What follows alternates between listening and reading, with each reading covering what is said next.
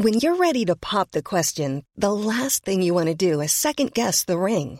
At Bluenile.com, you can design a one of a kind ring with the ease and convenience of shopping online. Choose your diamond and setting. When you find the one, you'll get it delivered right to your door. Go to Bluenile.com and use promo code LISTEN to get $50 off your purchase of $500 or more. That's code LISTEN at Bluenile.com for $50 off your purchase.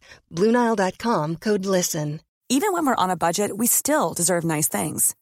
Quince is a place to scoop up stunning high end goods for 50 to 80% less than similar brands. They have buttery soft cashmere sweaters starting at $50, luxurious Italian leather bags, and so much more. Plus, Quince only works with factories that use safe, ethical, and responsible manufacturing. Get the high-end goods you'll love without the high price tag with Quince. Go to quince.com slash style for free shipping and 365-day returns. Hey there, it's Michelle Norris. I'm host of a podcast called Your Mama's Kitchen. When I travel, I'm usually looking for a way to find a taste of home when I'm not at home. And one of the things I love to do when I am at home is entertain. And Airbnb allows me to do that. When I was in California recently, I rented a house that had a great kitchen. And when we were sitting around the table, we're all thinking, we're in someone else's house. Someone could be in all of our homes as well. If you have a home, but you're not always at home, you have an Airbnb. Your home might be worth more than you think. Find out how much at airbnb.com/slash host.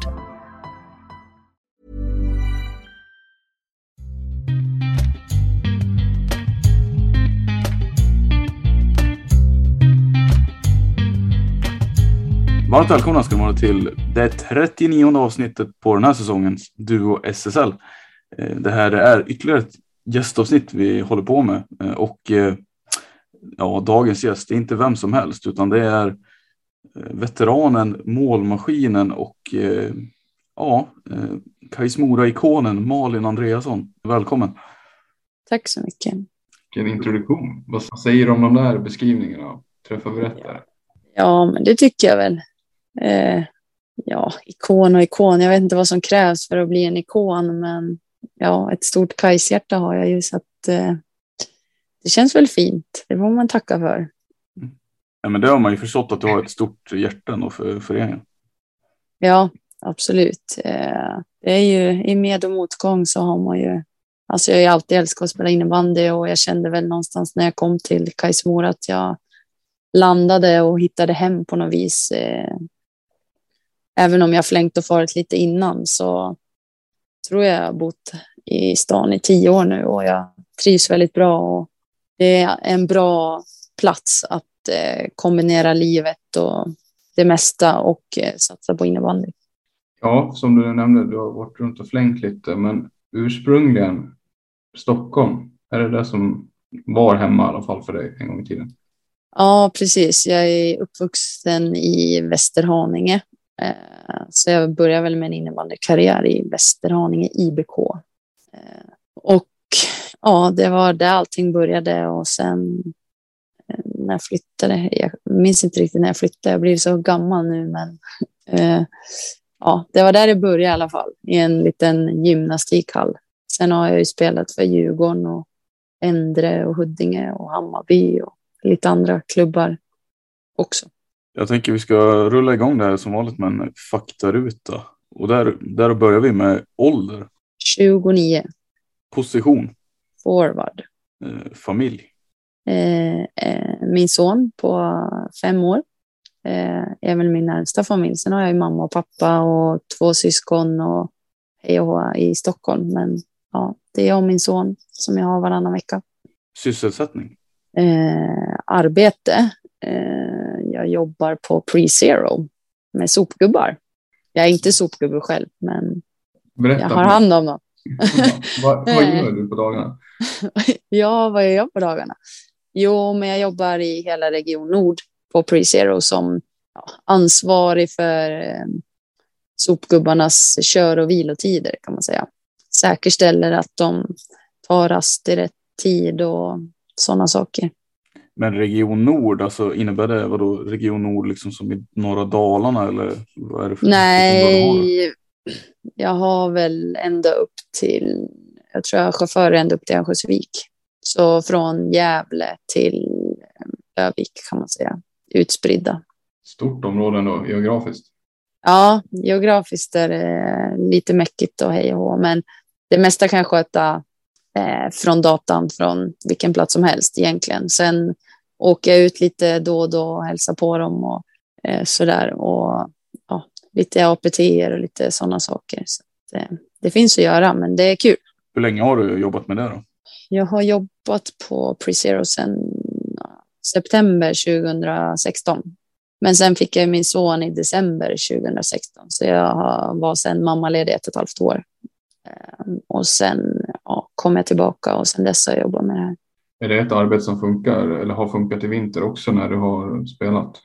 Ja, men det tycker jag. Det är bara jag som gör det jag gör i Region Nord och jag eh, har ganska fritt. Jag kan styra ganska mycket själv och det är väldigt skönt. Så jag kan planera mina resor om jag behöver åka till Hudiksvall till exempel. Så kan jag planera in det på en barnfri vecka mellan lite träningar och så där. Så att det, det går ju. Men det är väl klart att vissa gånger så kan det bli lite mäckigt och så. Men man har lärt sig att planera kan jag säga.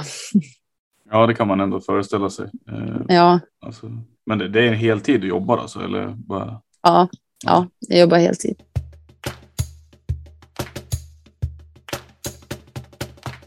Vad säger du Samuel, ska vi gå in på, det finns ju ett spår som är oundvikligt, eller ja, det är väl lätt att vi hamnar i Kais Mora och Mora som du nämnde att du bor och jobbar fortfarande där och, och så där.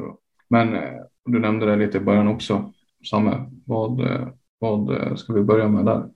Nej, men jag, jag har egentligen en fråga man vill ha svar på. Hur kommer det sig att du har varit i norra Dalarna så ligger det och Mora liksom? Du har bott där i snart ja, i tio år. Liksom du, du sa ju att du, du tycker att du, ja, du kanske svarade på det, men mm. finns det något mer förutom det? Liksom? Hur kom det sig att du hamnade där? Liksom? Eh, ja, alltså jag blev ju värvad då, till Kajsmora och det är inte, jag saknar liksom inte Stockholm på det viset, utan jag trivs i stan och jag, skaffar, alltså jag har ju byggt upp mitt liv där kan man säga. Eh, jag trivs på jobbet. Jag har innebandyn som jag har varit lite av och på här under senaste tiden och sen har jag min son varannan vecka då. och man kan inte bara flytta när man har barn heller. Så att, Eh, jag känner att jag rotar mig där nu. Jag trivs. Jag har vänner och jag har en extra familj i familjen Mopers och min familj kommer upp och hälsar på och jag, nej, jag trivs liksom. Så jag ser ingen anledning till att flytta på det viset. Ja, det är väl det.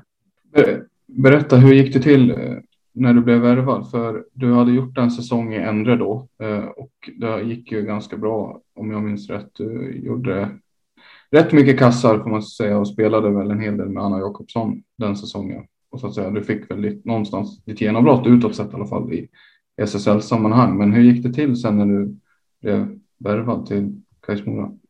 Eh, jag fick ett samtal från Roger och jag och min dåvarande kille, han trivdes inte jättebra där. Eh, och jag vet inte, jag kände väl också att han nästan till var aldrig på ön och jag var på ön själv eh, stora delar av tiden. Och när Mora hörde av sig och jag åkte upp hit så kände jag att det var rätt väg att gå. Liksom komma tillbaka till fastlandet och jag, det gick väldigt bra sportsligt på, vad heter det, eh, på ön, men ja, det var väl flera aspekter som gjorde att det kändes som ett eh, rätt val eller rätt väg för mig att gå. Jag har ju ofta gått min egen väg. Liksom. Det gick bra i Djurgården när jag startade upp SSL-karriären där också, men sen blev jag lite utlånad och ja, jag vill så mycket så ofta så ibland kanske jag inte har tillräckligt med tålamod. Nej, för det är väl lite intryck man får när man läser din ibis där, ja, det ändra var det en säsong, men sen Huddinge har det varit och Djurgården ett par säsonger. Men eh, sen fick du rätt mycket tålamod plötsligt och blev kvar i Dalarna i tio år som sagt. Det ja, kom det kommer. Man växer väl som människa också kanske. Och sen har det varit flera olika aspekter. I Djurgården trivdes jag väldigt, väldigt bra. Eh, det gjorde jag, men det var ganska hård konkurrens på alla positioner och jag var ung och hungrig och ville spela hur mycket som helst. Men jag förstod ju att det fanns mycket, mycket bättre spelare än vad jag var då. Så det var ganska tufft att slå sig in där. Eh, men jag trivdes hur bra som helst i laget. Eh, sen lånade jag ut för att jag ville spela matcher. Liksom. För de som inte kommer ihåg den tiden, det här är ungefär tio år sedan vi pratade, hur? 10-11. Alltså, mm. Kan du, du nämna de namnen som var i Djurgården på den tiden? För det, som du säger, det var ju ganska bra spelare. Ja, det var ju Emelie Lindström, Hermine Dalerus, eh, Helga Karlsson, eh, Amanda Wendelstig. Ja, det var ju landslagsspelare på väldigt många positioner och de var väldigt eh, omhändertagande och så. Jag, jag trivdes där, men sen är det ju skillnad att spela innebandy på elitnivå i en storstad kontra en liten stad. Det går inte att sticka under stolen med. Liksom. Eh, det kanske är uppenbart för, för dig, liksom, men vilken, vad är den största skillnaden? Eh, du som har den erfarenheten. Personligen tycker jag väl att det är liksom, i, på en mindre ort så blir man mer ett. Liksom. Det finns inte så mycket annat. Man har sitt lag, man umgås ganska mycket. I Stockholm, de flesta spelarna har ju eh, sina liv där på ett helt annat sätt. Det kanske låter jättemärkligt, men det blir, man kommer till träningen och sen åker man från träningen i Stockholm. I de lagen jag har varit där, men i Mora så är det mer allting runt omkring, att man umgås eh, mer, skulle jag säga. Och det var en av anledningarna till att du kan, alltså valde att det har blivit att du har stannat så mycket också, eller så länge i, i Mora, ja. ja. Och sen har det att göra med min privata situation. Liksom. Eh, det går inte bara att flytta. Nej. Nej. Och, men jag trivs med det. Det är nog många som har trivts med att kolla innebandy och liksom sett dig eh, böka in ganska många mål också. För det. Eh, det kan jag tänka mig.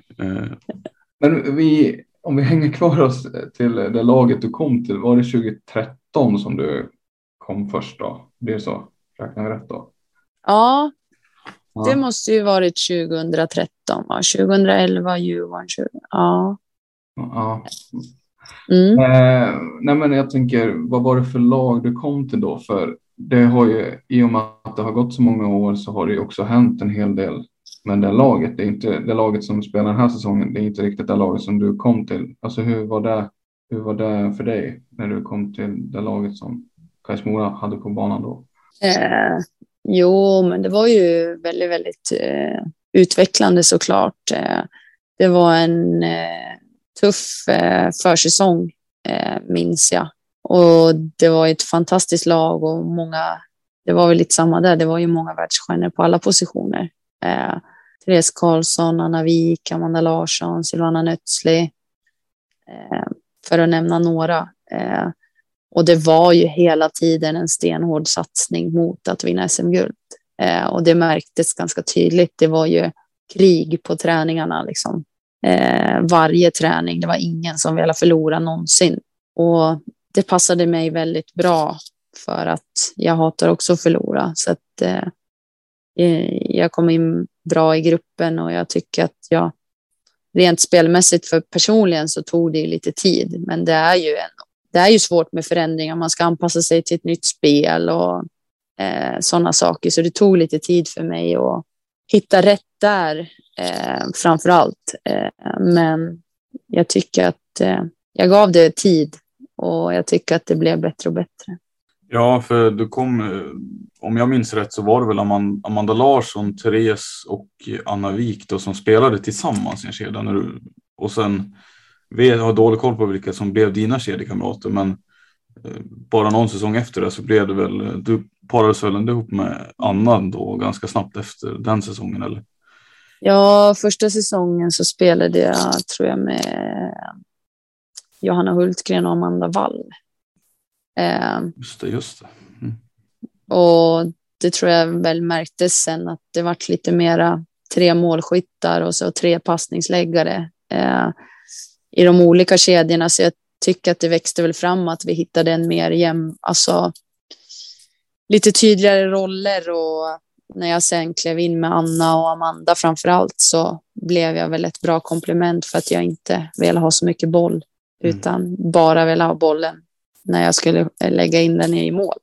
Du gjorde liksom jobbet, du gjorde grisjobbet innan där liksom, och sen Mm. kunde du ta, liksom lägga in bollen. Nej, det skulle jag inte säga jag gjorde. Jag stod på rätt plats vid rätt tillfälle, men det är en konst det också. Ja, det är, det är verkligen inte många som behärskar det. Det är det inte. Nej, jag gillar ju att vara där inne där det hettar till så att säga. Mm. Men ja, det, hur ser du på den spelartypen som du har varit och fortfarande är får man väl säga. Men finns är det, för min bild är att det finns inte jättemånga. Idag så är det andra typer, spelartyper som fostras på innebandygymnasier runt om i landet på, på RIG. Liksom. Den här typiska mål, eh, spelaren som bara står framför kassen och, eller står och liksom bara rakar in och, och ställer sig på rätt läge vid rätt plats. Mm. Som du beskrev det. Min bild är att den finns inte riktigt kvar på samma sätt som förut. Nej, och det kan jag väl vara beredd att hålla med om. Alltså, dagens ungdomar som fostras, det är ju mycket mera teknik. Alltså, de är ju, de är ju väldigt skickliga med boll och klubba. Och det skulle jag inte säga att jag någonsin har varit. Men det som kan saknas, som tycker jag, det är ju liksom mera profiler, mera hjärta och själ och liksom blir liksom lite grisigt. Jag tror ju inte att jag är SSLs mest älskade spelare för att jag blir ju arg och jag blir ju, jag är ganska känslostyrd i mitt spel. Liksom. Jag måste vara inne i det. Jag måste eh, gruffas. Jag måste få munhuggas lite. Jag måste få göra det för att komma in i matchen. Liksom, för jag tycker att det är en del av sporten. Och framförallt på damsidan eh, så saknas det ju ganska mycket. Du tycker det? Det är, det är för lite profiler liksom? Ja, och alltså, det är ju, jag tycker att det är kul att se på här innebandy när det blir känslor och när det blir gruff och man vill liksom göra allt för att vinna. Då spelar det ingen roll. Finns det någon på den i här serien som du har identifierat som liksom din kanske mest liknande, mot, alltså din motsvarighet eh, som liknar dig mest? Nej, det vet jag inte. Jag gillade ju en sån spelare som Gillek förut till exempel. Eh, jag tycker han är rolig att se på och han, det spelar ingen roll vad någon tycker, han bara kör liksom. Eh, Där, där pratar vi gris alltså. Ibland. ja, ja, en riktig gris. Ja, och jag tycker att det är fantastiskt kul. Men det behöver inte betyda att man är så utanför sargen liksom. Jag kan tänka mig att han är jättetrevlig. Jag har aldrig pratat med honom någonsin, men jag kan tänka mig att man är liksom en person innanför sargen och en utanför. Mm. Och det är jättebra att du nämner det, för Samme hade en jättebra fråga på just, som gällde just det. Som du får dra Samme. Ja, men eh, ja, den var ju bara liksom, vem är du utanför planen? För både jag och Gustav har ju en tydlig bild av eh, dig som, som liknar den du beskriver också. Eh, Mm. Liksom, men hur, hur är du utanför då? Ja, hur ska jag förklara mig? Jag har ju svårt att sitta still. Liksom. Jag kanske får höra att jag har lite bokstäver ibland och jag eh, gillar att göra saker och umgås med vänner och mil och det, eh, jag är väldigt lojal mot dem jag bryr mig om liksom och så. Eh, men ja, jag tycker att det är svårt att beskriva sig själv, men jag, ja, Ja, men det här temperamentet och humöret och den här vinnarskallen som brinner till ibland på ja. det är inte riktigt så vid sidan av. Nej, det är klart att det finns det i, i vardagen så. Om det ska spelas sällskapsspel och hej och hå, då blir det ju samma tävlingsdjävul i mig. Men jag har ett ganska dåligt tålamod, får jag höra ganska ofta. Och då kan det väl brinna till lite. Men annars är jag snäll och glad och tycker om att driva och med folk och sådär. Så när Roger Jonsson suttit och haft någon teorigenomgång någon gång eh, i hallen i Mora, då är det du som sitter och liksom. Det är inte alltid Ja. kul att lyssna kanske. Nej, nej, nej, då kan jag sitta längst bak och kasta ur mig någonting om jag tycker att det, om mitt tålamod har tagit slut. Av alla ledare eller tränare, du, nu har ju Roger varit ganska konstant i Mora, men eh, är det liksom av alla, av alla du har haft i din innebandykarriär, hur skulle du placera honom på någon slags skicklighetsskala? Roger, Mm. eh, jo men Roger betyder ju väldigt mycket för oss alla som har varit i klubben länge. Och man vet att, man, att han alltid ställer upp. Sen rent kunskapsmässigt och innebandymässigt alltså, så är ju Ulf Hallstensson den eh, bästa tränaren jag haft. Det är så? Mm. Vad är det som gör han så bra? Men han ser liksom alla detaljer. Det är som att han ser ändå... Ja, han är väldigt noggrann och väldigt taktiskt kunnig. Jag brukar tänka på det nu så här i efterhand att ja, jag valde att spela den här säsongen. Det gjorde jag. Jag skulle nästan säga att jag utvecklas som innebandyspelare den här säsongen till och med. Med tanke på förutsättningarna så har jag inte bara stått framför mål och varit grisig, utan jag har varit en helt annan spelare och varit ännu mer delaktig i själva spelet, vilket jag inte behövde förut. Nej, jag får nog bara flika in där att jag tror jag delar den. Jag har fått det. Jag, jag tycker det när jag tittat på dig och på er under säsongen också. Jag har fått det intrycket att shit, det känns som att uh, du är en av dem som verkligen har. Det här såg man inte för fem år sedan liksom, utan du Nej. var mycket mer delaktig som du säger. Och jag tror, jag tror även Samme delar den bilden också. Men det är kul att du nämner det ja, som sagt ingen fråga. Mm, nej. Men, Men eh, det ger oss en bra väg in då, för det vill vi gärna prata om liksom, den här säsongen. Den är svår att komma ifrån. Eh, en så anrik, en så anrik eh, förening som Kais Mora som åker ner då. Eh, men hur, hur har det varit för dig? Jag antar att du kanske har gått igenom det i ditt eget huvud och kanske även svarat på ganska mycket frågor om det. Liksom. Men hur har den, liksom, om du tar oss från liksom, september till, till där, där vi är idag, hur har den varit? Jo, det har eh, varit tufft. Det har det varit. Alltså förutsättningarna inför säsongen. Det är väl alla känner ju till det att det var väldigt många spelare som lämnade Kais Mora av diverse olika anledningar och det tycker jag får stå för dem. Liksom. Jag tänker inte ens lägga någon vikt eller någon åsikt i varför det blev som det blev. Och någonstans så hade väl klubben då svårt att värva. Och det var väl då de kontaktade mig. Och med tanke på eh, det hjärta jag har för klubben så kände jag väl att absolut eh, vill jag hjälpa till. Men jag kan ju erkänna att jag hade ju inte tränat för det eh, under sommaren kan jag ju säga. Så att hösten var väl ganska tuff så. Och det handlade väl om att få ihop någon, någon form av trupp utifrån det vi hade. Och jag tror vi har testat ganska mycket olika spelare och det är inte spelarnas fel i sig, men det var ju många kanske som inte ens hade spelat säsongen före på grund av pandemin. Som har gått från juniorinnebandy till SSL-innebandy. Och det är ganska stort steg. Eh, men någonstans så tvivlade jag ändå aldrig på att vi inte skulle lösa det. Jag var helt övertygad om att eh, vi kommer att fixa det här. Jag tror på det här. Jag tror på dem som står där tillsammans med mig på plan. Eh, och vi kommer att fixa det. Eh, så hösten rullar väl på och jag tycker väl ändå att vi... Det var ju upp och ner i prestationerna. Man kan inte kräva så mycket mer egentligen. Men någonstans så hade vi ju inte det där. Det är väl ett klassiskt bottenlag.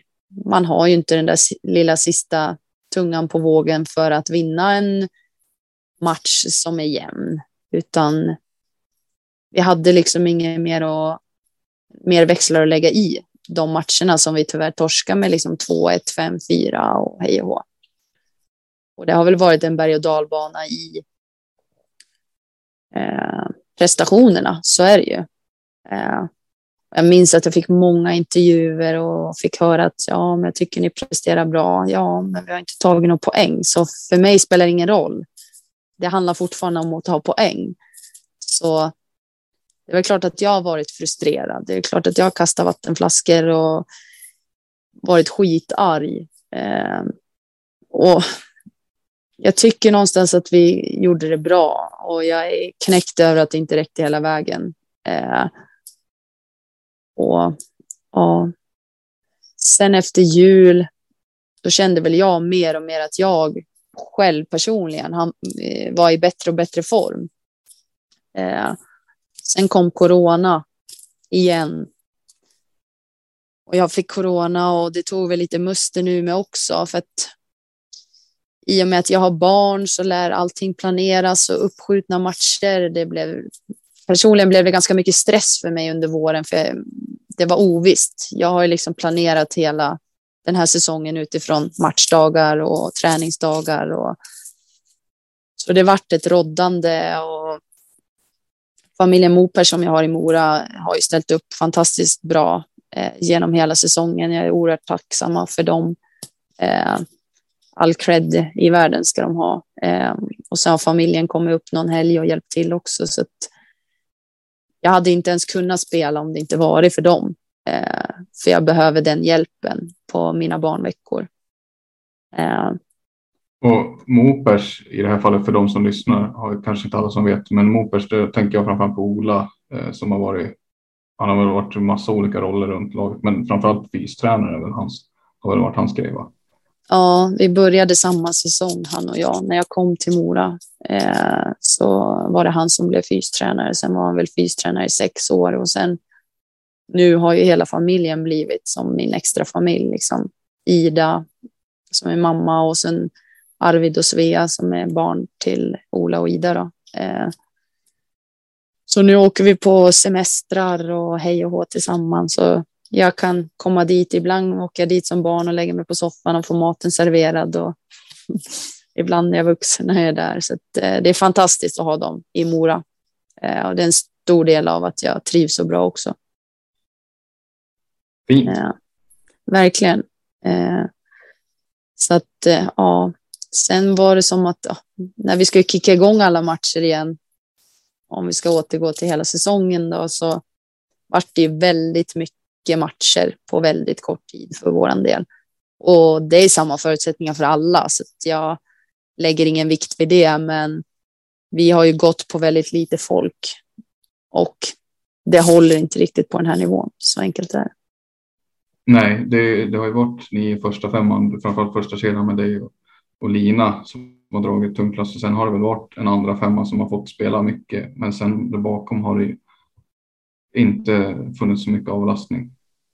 Nej, det har ju tyvärr inte det och det, det är ju klubben eh, som tyvärr får ta på sig det. Eh, att inte kunna ge oss de förutsättningarna. Eh, och de flesta har gjort det bra utifrån, alltså jag, man kan inte kräva så mycket eh, av de som inte ens har spelat någonting. Eh, ens i allsvenskan. Det är många som kommer från junior innebandy och det har väl varit tufft mentalt för många tror jag. Sen känns det som att vi har gått igenom mycket tillsammans. Liksom. En stor profil i Göran Lindén gick bort hastigt. Eh, lite folk. Vi det går inte att skylla på någonting heller egentligen. Men, men ja. förlåt att jag avbryter då, men Görans bortgång då, var det, var det någonting som snarare liksom sänkte er eller kunde ni enas kring det, alltså gå samman eller alltså, vad fick det för effekt? Jo, det är klart att vi kunde enas och gå samman. Sen är det hans betydelse är lite olika för oss alla. Liksom. Vi som varit med länge i klubben känner ju honom väl, medan många kanske har träffat honom bara ett par gånger. Han finns, fanns ju alltid i hallen, så det var väl mer det.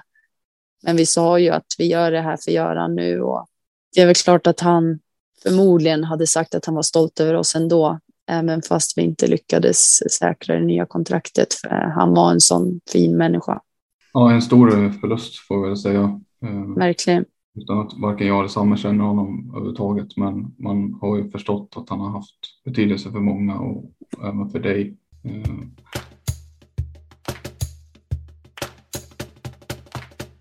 Hur, alltså rent känslomässigt, frustrerande över det sportsliga och resultaten förstår jag ju. Och sen så covid kommer liksom och sen det här med Görans bortgång. Det känns som det är extremt mycket uppförsbacke.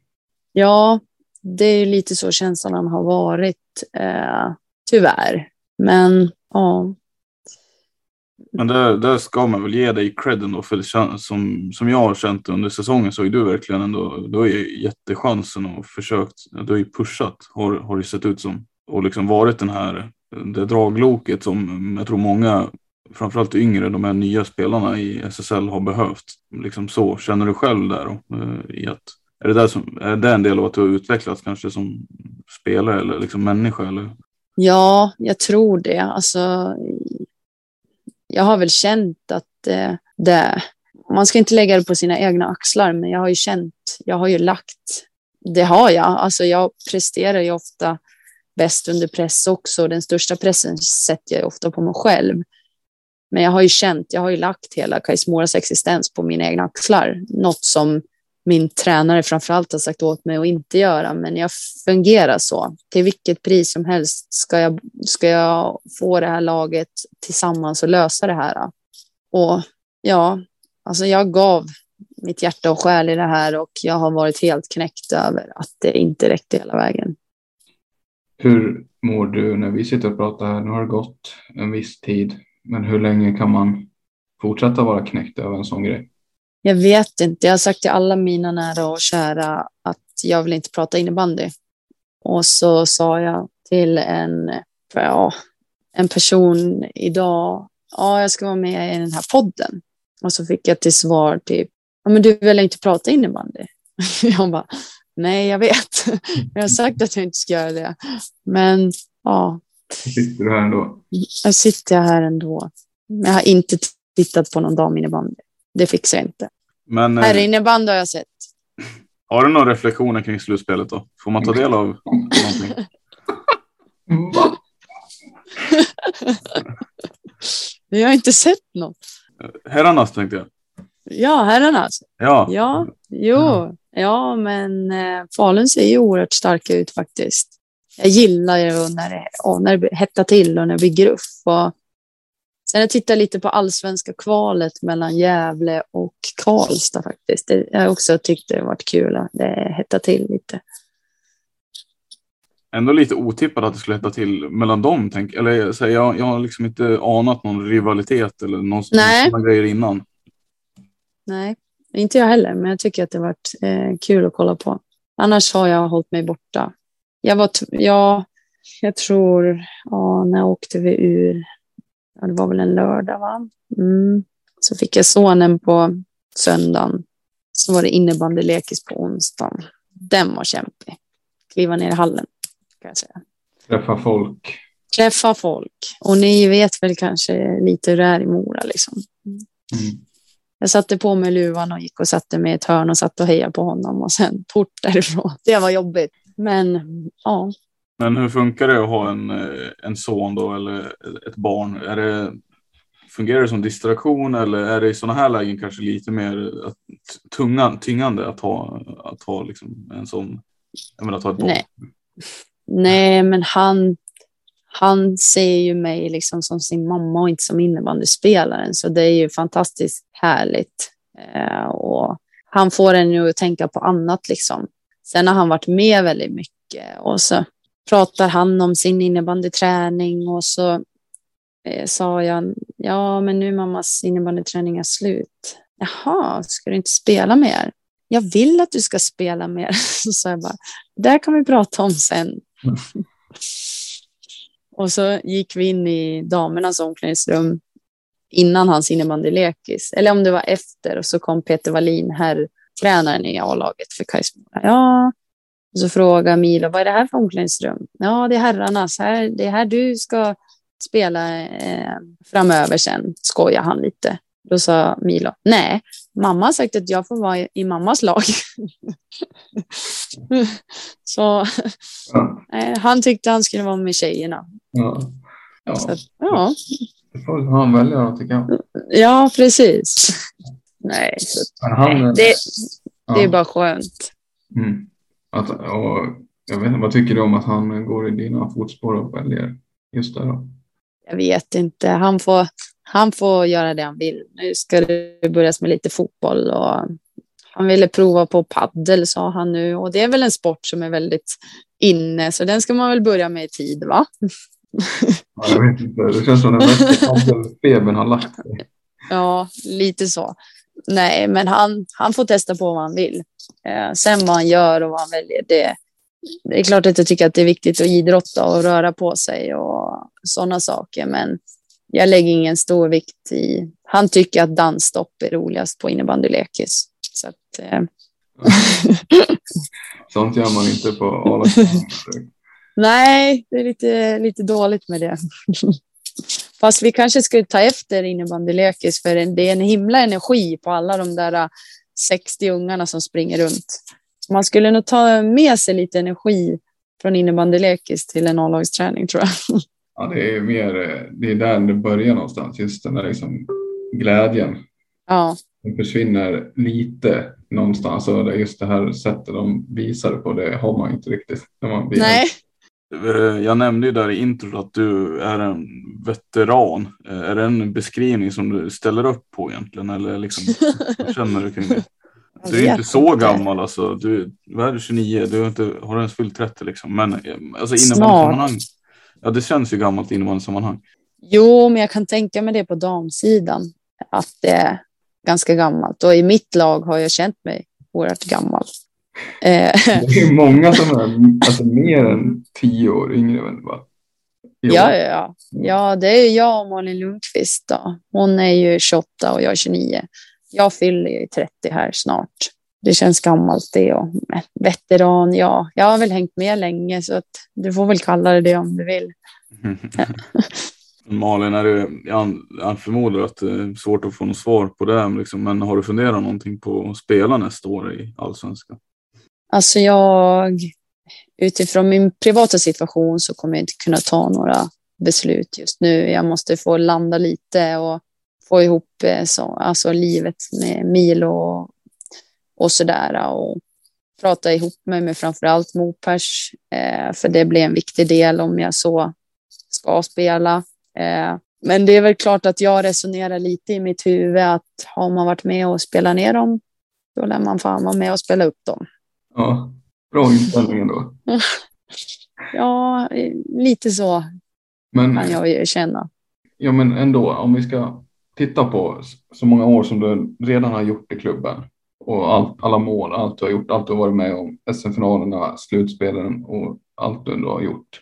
Kan, alltså, kan du ändå inte rättfärdiga att du ändå får unna dig själv att nej, men nu tackar jag för mig? Jo, när du lägger upp det så så låter det väldigt fint måste jag säga. Det tackar jag för. Ja, men... Eh, men ja. Det, om man, om man fortfarande tycker det är kul att spela så ska man ju hålla på såklart. Ja. Ja, så det är väl klart att jag älskar att spela innebandy. Men det krävs ju enormt mycket tid. Det gör det ju. Samtidigt är det ju ett bra sätt att träna. Det är inte så att jag älskar att springa i spåret. Liksom. Men det måste ju göras. Och jag vet inte om ni har talat om Alderängarna. Jo, vi har faktiskt ja. Eh, varit där själva. Ja. Exakt. Ja. Någonstans är det min favorit. Va? Är det det på riktigt? Ja, men jag har sån hatkärlek till den där trappan för att jag, jag blir ju så, jag fungerar ju som så att jag är lite svart eller vit liksom. Mm. Ja, men man ska springa tio runder, då springer man tio runder tills man spyr och sen är man klar. Och för de som inte hänger med på det, Aldrängarna är liksom en... Eh, Förklara det för dem som... Ja, men vad är, det är en lång trappa va? upp för en backe eller? Ja, jag tror att det är 147 trappsteg mitt ute i skogen. Ganska brant också. Skulle jag ja. Det är ingen, det är ingen pensionärstrappa. Nej, så eftersom jag typ räknas som pensionär så borde jag väl slippa numera. Men, men det är svårt när Ola springer först i ledet gissar jag. Ja, och det som är, nu är inte han fystränare längre, men han har ju dragit mig upp för den där trapporna många gånger. Och det värsta är att han kan ju prata nonstop samtidigt som mm. han springer i trappan. En annan håller ju på och ja. Kämpa för att. Exakt. Spara på all, all luft man har. Liksom. Exakt. Ja. Så att, det är väl svårt att säga något specifikt om min framtid så vis. Men det är väl klart att alla förstår att antingen så spelar jag i Kais Mora eller så lägger jag ner. Det är ju de två alternativen som finns. Och det är, jag förstår det och samtidigt är det också väldigt tidigt för hela föreningen och laget. Eh, I alla fall oss utifrån. Det är ju svårt att få en bild av vad är det för lag som kommer vara med i allsvenskan då. Eh, men hur ser du på ja, föreningens ambition eller vet man någonting om vad är planen nu? Är det raka vägen upp igen eller är det någon annan ambition man har att liksom bygga om? Och så ja, man, vill väl, man vill väl veta liksom var, var, hur, var, var är det på väg någonstans? Liksom. Eh, jo, men eh, ambitionen är ju att ta sig direkt tillbaka och jag tror väl att det är svårt att göra på något annat sätt än att ta sig direkt tillbaka. Jag tror att det är svårt att inte försöka göra den satsningen. Liksom.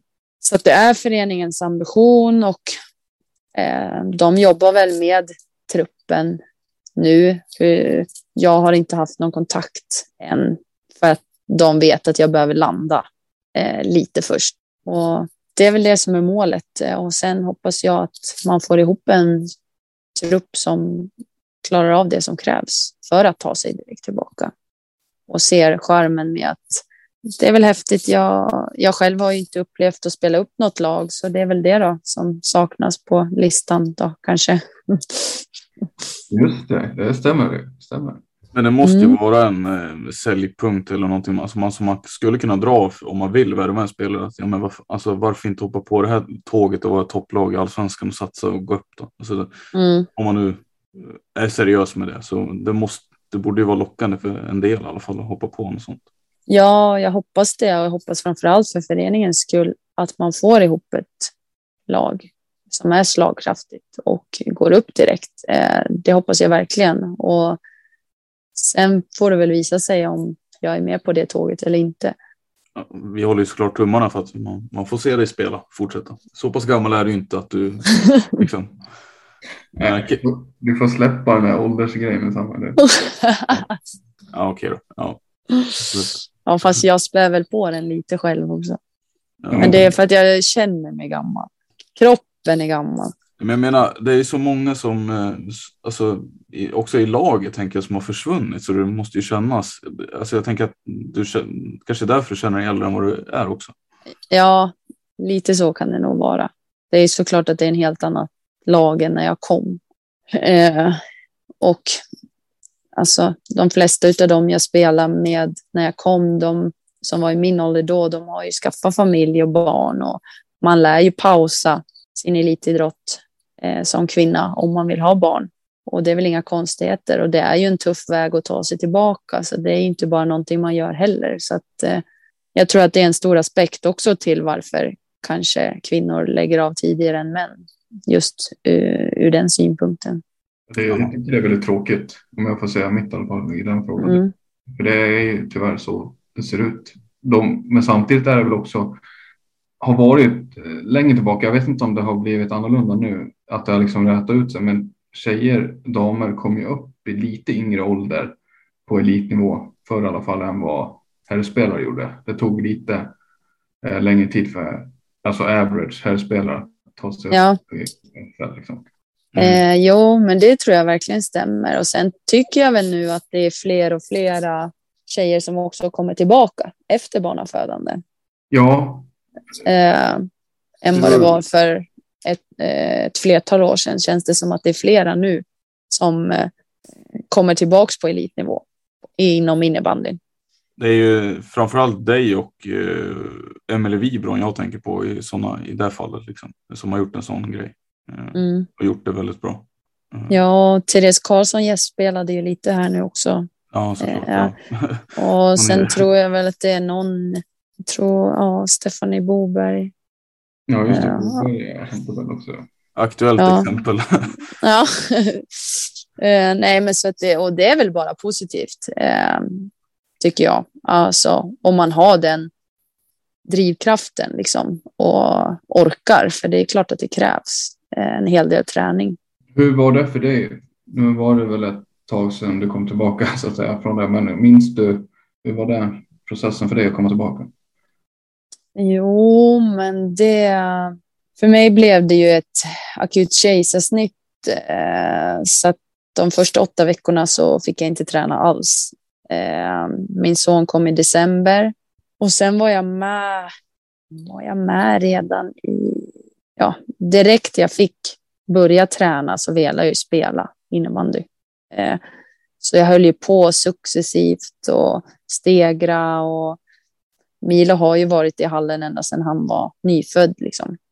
Så jag vet att jag var med redan på den SM-finalen, men jag var ju inte i form för att ens beträda banan egentligen. Det var ju, det var kanske idiotiskt. Eh, men sen efter den finalen 2017, då började jag träna stenhårt. Då ville jag verkligen komma tillbaka i toppform och det vart liksom en liten kick för mig också då för att varje träningspass jag gjorde så visste jag att jag var tvungen att vara borta från min son. Liksom. Så jag tror att på något vis så fick jag extra energi av det och tog ut mig ännu mer. Jag minns Jana Wik var ute och morgonjogga med springvagnen och hej och hå vad vi höll på. Och när jag inte orkade dra springvagnen så fick hon dra den åt mig så fick jag lufsa bredvid. Liksom. Ja. Den sommaren 2017, så mycket har jag nog aldrig tränat eh, så hårt i hela mitt liv. Och målet var ju att ta mig tillbaka eh, i, i, riktigt bra form till säsongen efter. Då. Och det gjorde jag ju. Så tränad har jag nog faktiskt aldrig varit. Nej, det, jag och Samuel lär ju aldrig få veta hur det är liksom, hur, just hur man mår fysiskt. Det är jättesvårt för oss att föreställa oss, men bara att det är en stor liksom, påfrestning och så där, det, det får man ju bara köpa liksom. Så mm. det är mm. extremt imponerande ändå att man tar sig tillbaka, för det är ändå elitidrott det handlar om också. Ja. Eh, att du ska komma tillbaka så, här, så att man mår hyfsat liksom och orkar, orkar liksom med allt i vardagen, utan det är ju elitidrott. Ja, och jag är ganska målstyrd också, så jag tror att det var bra att jag hade ett specifikt mål. Eh, jag velade ta mig tillbaka och jag velade spela VM. Eh, så att jag tror att det var bra för mig att ha sådana tydliga mål just för att komma i form. Liksom. Och nej, det är häftigt eh, vad kroppen klarar av. Liksom. Ja, verkligen. Och så blev det i VM då för dig? Ja. ja, det blev det. Det var fantastiskt roligt faktiskt. Eh, men ja, det är ju tiden och energin. Då var jag i och för sig mammaledig också, så då var det lite lättare att träna. Men sen man ska jobba, man ska alltså. Man blir inte mångmiljonär precis. Nej. Tyvärr, om man, om man inte spelar Storvreta eller Falun då verkar det finnas pengar där. Men resten av innebandy i Sverige har lite tufft. Ja, så att eh, nej, det är. Finns det någonting du saknar som du inte har liksom, jag vet inte, fått göra eh, i landslagssammanhang eller i klubbsammanhang och sådär? Eh, saknar och saknar. Något du önskar du hade fått uppleva? Ja, det är väl klart man hade kunnat stryka alla SM-silver och eh, vunnit guld istället. Såklart. Eh, kanske sluppit eh, åka ur också SSL i år. Jag vet inte, men. Nej, det, det fattar vi också, det är väl ganska självklart. Nej, men svårt, svårt att säga nu vad jag saknar sådär. Man kanske blickar tillbaka när man väl har lagt klubban på hyllan för alltid. Nu har jag ju lagt den där en gång och plockat ner den. Så... Det, det, det låter som att du har haft en ganska framgångsrik karriär så här långt. Där du har fått, ja. vinna mycket och även, även om det blev många silver så kanske det har varit, varit en hygglig karriär hittills. Ja, eller? när, när, när vi är inne och touchar på det. Eh, många finaler, ett guld, SM-guld, eh, då spelar VM. Vad är det liksom det främsta som du har när du tänker tillbaka på det du har varit med om hittills? Nej, men det är väl givetvis SM-gulden. Jag har ju faktiskt två. Och det var ändå häftigt också. Men det, alltså båda, det är väl klart att jag hade en mycket större roll det året vi vann med Kais Mora. Så, men samtidigt, det guldet vi vann med Djurgården, det var mitt första säsong i SSL. Ja, du var typ 19? 19 ja, 18, 19, vad kan vara. Nej, jag måste ha varit under 18, för jag minns att mamma var tvungen att vara med och skriva på kontraktet, så jag måste ha varit under 18. Oj, men ja, gud. Nej, men det är ju såklart SM-gulden och sen alltså den resa man gör med ett lag under hela säsongen. Det är klart att det är fantastiskt att vinna VM-guld, men det man gör med den gruppen under hela försäsongen, hela säsongen, hur mycket man sliter mer och, med och för varandra. Liksom. Det, toppa det med ett SM-guld, det är ju oslagbart. Liksom. Och det var häftigt i Djurgården också. Sen om det satte lite käppar i hjulet för mig själv också. Jag tror jag minns, jag minns min debut i Djurgården. Eh, jag fick spela första matchen med Emelie Lindström och var ju helt extas. Liksom. Och jag tror jag gjorde det första målet i Djurgården i SSLs historia. Och då tänkte man, det här, går, kommer, ju, här kommer ju gå som på räls. Mm. Här, spela SSL, det är väl inga problem. Det fixar ju jag. Ja. Eh, så, det var det inte var bra att få alltså, så mycket medgång. På så. Nej, jag tror inte det faktiskt. För fortfarande hade jag nog inte riktigt lärt mig att träna ordentligt som det krävdes. Liksom. Jag tänkte nog att det här löser sig. Så att, man kan ju vända och vrida på mycket, men det är klart att SM-gulden betyder otroligt mycket. Jag tycker också att det var häftigt att vinna Champions Cup-guld med både Mora och Djurgården i ett annat land. Och, eh, mm. ja, Visst, det... mötte, visst mötte ni, när du, jag har för mig att du spelade i Kajstå också när ni mötte Djurgården i en final, eller? Mm, torska i sadden. Ja, okej. Okay. Mm. Mm. Hur var det då? och det är väl den finalen och sen finaltorsken mot Pixbo som grämer mig mest, tror jag. Känns det som att ni skulle ha vunnit dem? Är det det du menar? Eller? Ja, men det var alltså där känner jag att vi, där skulle vi ha vunnit. Men sen är det små marginaler. Jag säger inte att de andra lagen inte har gjort det bra. Men med det laget vi hade de två finalerna så tycker jag att vi borde kunna prestera bättre. Eh, sen tror jag att det är någon, om det är en eller två finaler mot Iksu där vi inte ens haft en chans. Och då är det svårt att säga någonting. Nej, det är ju just det Iksu du nämnde och nu är det ju Thorén. Men det är samma ja. alltså, de, de, kan man ju, det får man ju vara ärlig och säga att tyvärr så mm. allt annat än att de vinner det, ja, det är tyvärr en skräll. Även om laget på den tiden hette Kais Mora så var det ju tungt favoritskap. Och, och de, ja. Liksom. ja, och det är väl de finalerna mot just eh, Pixbo och Djurgården som har varit jämnast. Liksom. Det är ju stolpe in eller stolpe ut. Och det har väl varit lite mentalt för oss också tror jag när vi väl står där inför en final att det har nog de tidigare finalerna har nog satt sina spår hos många tror jag. Det älskar ju, det är ju en intressant fråga för det älskar ju folk att spekulera om, framförallt media och sådär. Eh, mm. liksom, det finns ett silverspöke i Mora trots att det har blivit guld, men det har ju varit ganska många fler finaler där man har fått just åka hem utan guldet. Så att det har ändå liksom satt sig något spöke. Men du är inne på samma spår att det kan ha påverkat liksom. Ja, men det tror jag. Inte medvetet, men jag tror undermedvetet hos många så tror jag ändå att det har varit något. Svårt att kalla det spöke tycker jag, men för någonstans har vi presterat så fantastiskt bra innebandy under många semifinalserier. Liksom. Där det har varit kniven mot strupen. jag tror vi låg under med 2-1 mot Täby något år. I en, alltså, det har ju varit tajta matcher hela vägen fram. Men sen tror jag, ju fler finaler vi har förlorat, att det har påverkat. Det tror jag på ett eller annat vis. Sen hur mycket, sen hos alla, svårt att svara på. För under de, eh, vad ska man säga, kan vi, kan vi benämna det som de prime-åren som var en stor final flera år i rad det var ju väldigt mycket. Det var ju inte så många spelare som försvann och som kom in. Det var ju en ganska stor kärna, stor masspelare spelare som fick uppleva de finalerna år på år. Liksom. Mm. Någonting jag bara fastnade för helt plötsligt, det var att jag tänkte att förut så tyckte jag att det var fler olika spelartyper som Kais hade. Stämmer det fortfarande att det är, eller hur ser du på det? Är det har det där liksom, har det förändrats så att fler påminner om varandra eller så här. Eh, jag tänker på som en Amanda Larsson, jag tänker på dig, jag tänker på Hultgren, jag tänker på Anna, jag tänker på eh, jag tänker också på Martina Löv när hon spelade. Eh, jag mm. tänker på ja, men Therese. Och, och alltså det var ändå så här.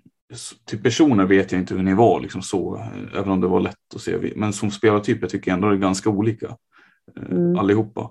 Alltså jag tror ju, det är svårt att säga nu, eh, förra säsongen, alltså inte den här som var eller som pågår, men utan säsongen innan det, då spelade ju inte jag. Men i och med att man tappar så många som man gör så är det klart att det sätter sina spår i värvningssituationen. Det är väl klart att med det laget som Kais Mora hade för många år sedan, då är det klart att man kan handplocka vad man tycker att man saknar. Eh, och jag tror att det är en ganska stor fördel när man har en så stark trupp att bara kunna spetsa till den mm. eh, med det man verkligen tycker att man saknar. Och jag tror att jag var en sån värvning också, eh, just för min grisighet och min attityd och, och, och att det var handplockat. Eh, det tror jag. Eh, sen när man hamnar jag tyckte ändå att de successivt klarade av liksom lite tapp där. Eh, först Martina Löv, Amanda Larsson, Silvana Nötslina, när de droppade av så fylldes det ändå på med unga eh, lovande spelare. Men sen kom ju den här bomben förra säsongen och då är det ju svårt. Mm. Alltså jättesvårt. Det tror jag vilken klubb som helst hade haft svårt med att hantera det. Eh, och det är väl därför det är så synd att vi kanske inte lyckades. För då hade ni kunnat bygga vidare på den truppen och då kanske eh, det hade kanske varit lite lättare att hitta spelare när man vet att det är ett SSL-lag man ja. Ja, kommer till. Mm. Samtidigt harva i botten. Ja, det är ju tufft. Har man väl hamnat där så kan det vara tufft. Så ja, ska man välja att se det positivt, ja, bli ett topplag och vinna allsvenskan där och framför allt för våra unga lovande tjejer i laget så tror jag inte att ett år i allsvenskan eh, är, är, är sämre på något vis för deras personliga utveckling som innebandyspelare. Nej. Nej, det, kan... det, kanske var bra och helt enkelt att eh, någonstans finns något gott i att det här skedde. Som du säger, att man får, man får ta ny sats och, och de här unga tjejerna som kommer upp får liksom mer erfarenhet och ja, komma in, matcha sin lättare på seniornivå än vad det hade varit att spela i SSL. Ja, om man ska försöka hitta något, något lite ja, positivt ja, i detta så skulle det vara det då. Men... Ja, jag, funderar på om vi ska röra oss till avslutande våra specialfrågor, Gustav. Eh, vad säger du? Ja, de här mm. kan bli ganska kul det här. Det, det är inga kontroversiella, det är ganska basic egentligen, men det kan vara kul ändå.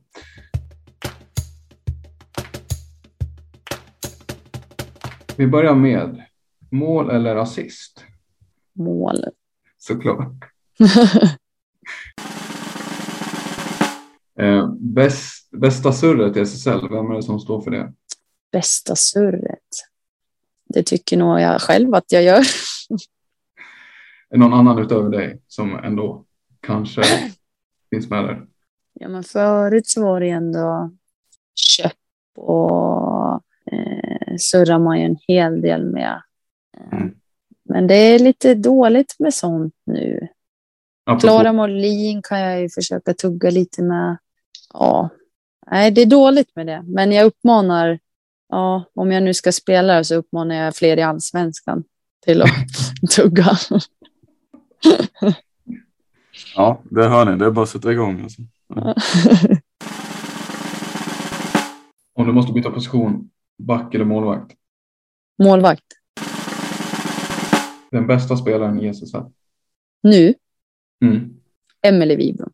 Och det här kanske blir en, eh, med tanke på det du berättade halvvägs in avsnitt ungefär, så kanske det blir en halvtung fråga, men vilka tror du vinner SM-guld? Pixbo Wallenstam. Grymt. Eh, Sanna, vilka här vill du ställa följdfrågor på? Uh, nej, men det kommer väl inte som någon chock att uh, många brukar svara Vera Kauppi på vem som är den bästa spelaren. Och Emily Wibron är väl kanske egentligen inte så kontroversiellt heller då, men det, ja, det, är, det är kul att föra ett annat namn än just Kauppi tycker jag. På den. Jag tycker att Emily Wibron är komplett och ja, över hela banan egentligen. Hon kan göra mål, assist, hon jobbar stenhårt. Det är klart att Vera Kauppi är en magiskt bra spelare också såklart. Men ja, nej, jag väljer att lyfta fram Emelie Wibron faktiskt. Och där på henne jag vet, alltså jag kommer knappt ihåg den tiden, men hon har ju varit back en gång i tiden. Mm. Du minns, det var väl i början av din SSL-karriär också som hon spelade på den positionen? Ve, hur, Ja. På vilken position har det varit jobbigast att möta henne? Eh, jag kan inte minnas så, men hon har ju varit back. Men då tror jag ju förmodligen back. Då. Jag tänker att jag möter inte henne så ofta på det viset när hon är framåt i banan och jag är framåt i banan. Nej, nej det är klart. Sjukt då att man går som back till det är typ så här 70-80 pinnar i SSL och vinna poängligan. Det är, Ja, det är imponerande att man kan göra så. Ja, men det är ju ändå många som närmar sig åren och kliver ner som back. Men om du frågar min coach så tror jag inte att det är aktuellt för mig. Var Jag skulle göra, göra mer mål i egen kasse tror jag. Fast jag tycker ju att det är svinkul att stå i mål. Alltså vara målvakt. Du är inte bollrädd eller sådär. Nej, nej, nej. Se då, den som ska stå i kassen nästa säsong. Kanske- Ja, tappar vi, någon, tappar vi målvakten nu då? Kanske det är där min position blir Mm. i allsvenskan. Ja. Det är ingen som har gjort det bytet va? Från målgörare till målvakt. Sätt det som rubrik bara. Nej, jag skojar. Finns det någon eh, som sticker ut? Då? Det har ju funnits några bra målvakter i Kais också. Är det någon som sticker ut där för dig? Ja. Jonna Mäkelä. Oj, finska väggen. Ja, alltså det kommer vara världens bästa målvakt genom alla tider. Mm. Har hon lagt av nu förresten? Ja, efter SM-guldet. Nej, var det så? Fan tråkigt. Jag tycker fan. Fast i och för sig, man ska ju sluta när man är som bäst. Ja, så frågan är hur jag ska göra då. Ja. Nej, vi tycker ju såklart att du ska fortsätta. Kom igen nu. ja, Men eh, du, du tycker alltså Pixbo, eller du tror att Pixbo kommer vinna guldet. Det är ju många som tycker att det är dags för dem. Liksom.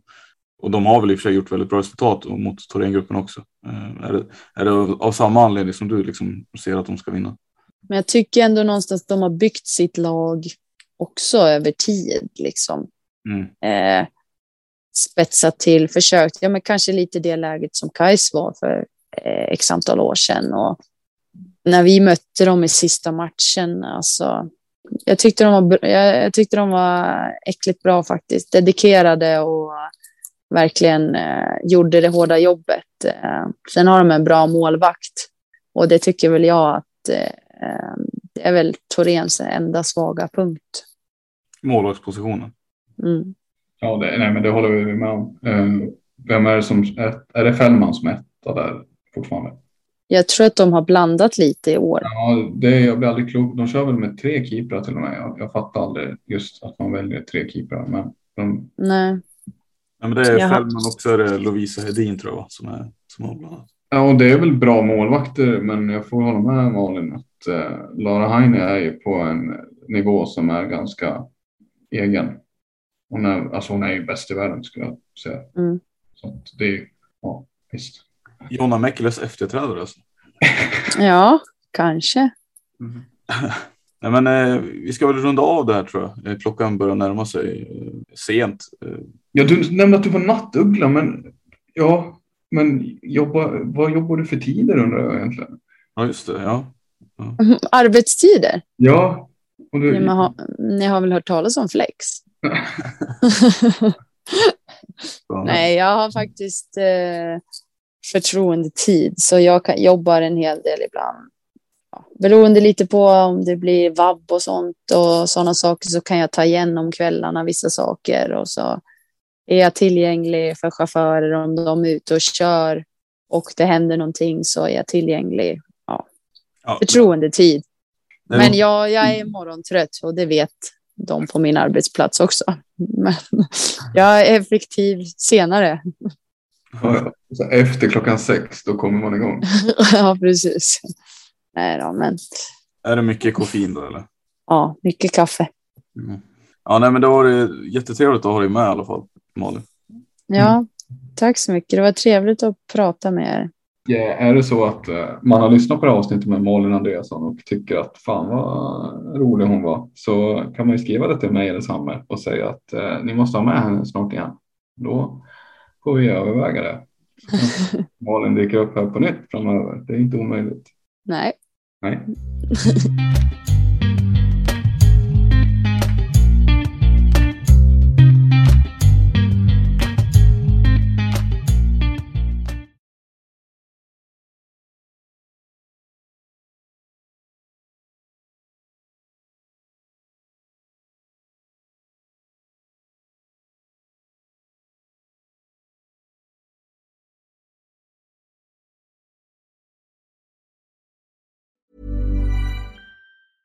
Mom deserves the best, and there's no better place to shop for Mother's Day than Whole Foods Market. They're your destination for unbeatable savings, from premium gifts to show-stopping flowers and irresistible desserts. Start by saving 33% with Prime on all body care and candles. Then get a 15-stem bunch of tulips for just $9.99 each with Prime. Round out Mom's menu with festive rosé, irresistible berry chantilly cake, and more special treats. Come celebrate Mother's Day at Whole Foods Market.